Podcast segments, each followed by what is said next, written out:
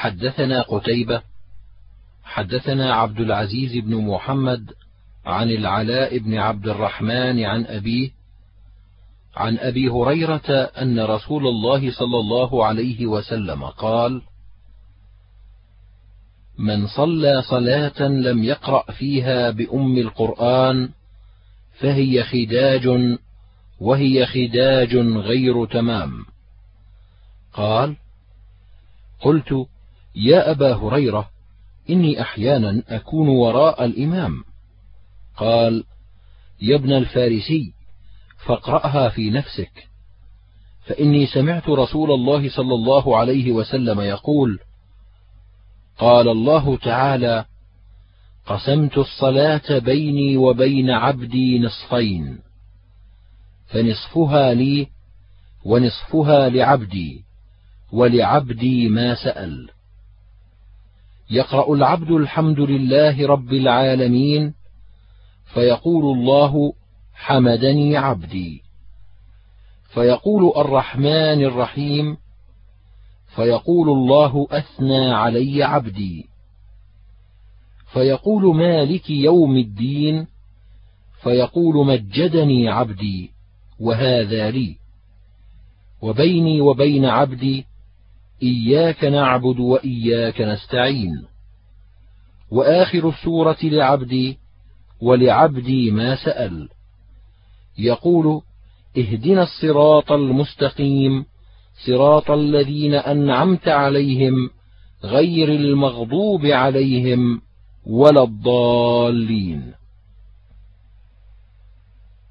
قال أبو عيسى هذا حديث حسن. وقد روى شعبة وإسماعيل بن جعفر وغير واحد عن العلاء بن عبد الرحمن عن أبيه عن أبي هريرة عن النبي صلى الله عليه وسلم نحو هذا الحديث.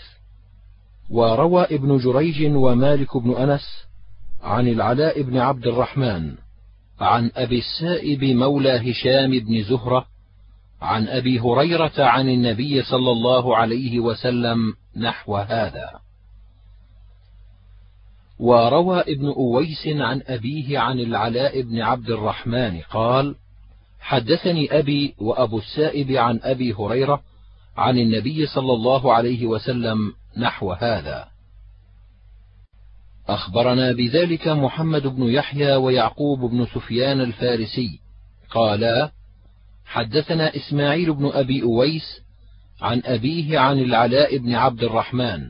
حدثني أبي وأبو السائب مولى هشام بن زهرة وكانا جليسين لأبي هريرة. عن أبي هريرة عن النبي صلى الله عليه وسلم قال من صلى صلاة لم يقرأ فيها بأم القرآن فهي خداج غير تمام وليس في حديث إسماعيل بن أبي أويس أكثر من هذا. وسألت أبا زرعة عن هذا الحديث كلا الحديثين صحيح واحتج بحديث ابن أبي أويس عن أبيه عن العلاء. أخبرنا عبد بن حميد أخبرنا عبد الرحمن بن سعد.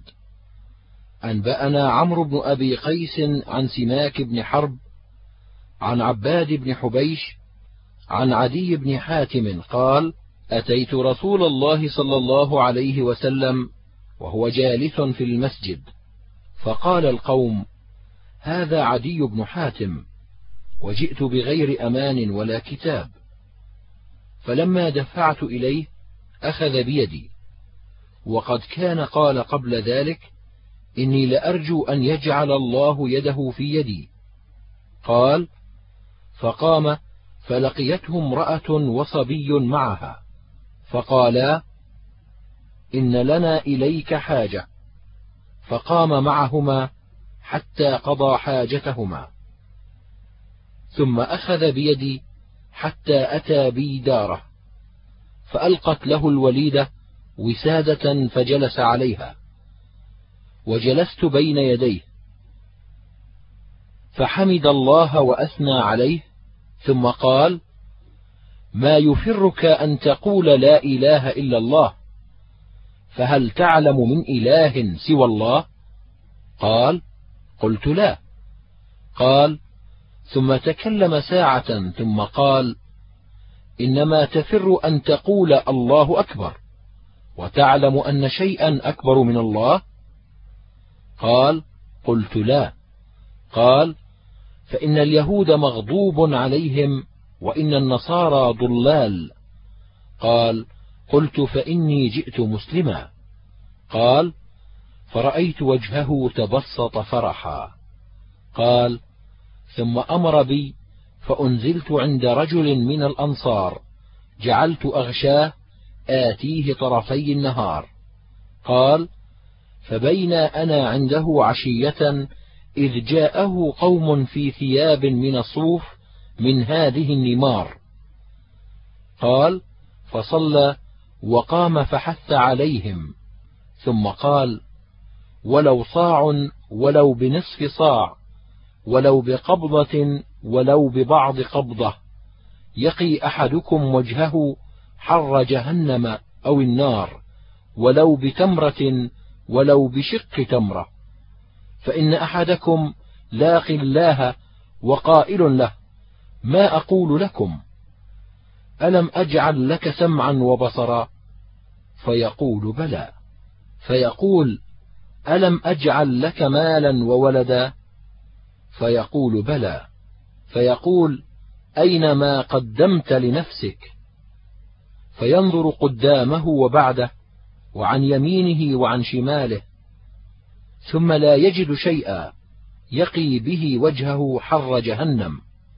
ليقي أحدكم وجهه النار ولو بشق تمرة. فإن لم يجد فبكلمة طيبة. فإني لا أخاف عليكم الفاقة.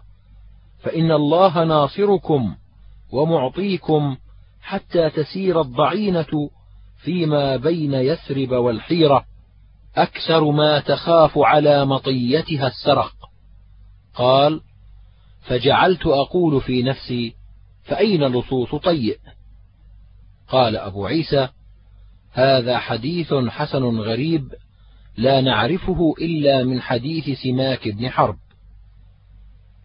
وروى شعبة عن سماك بن حرب عن عباد بن حبيش عن عدي بن حاتم عن النبي صلى الله عليه وسلم الحديث بطوله. حدثنا محمد بن المثنى وبندار.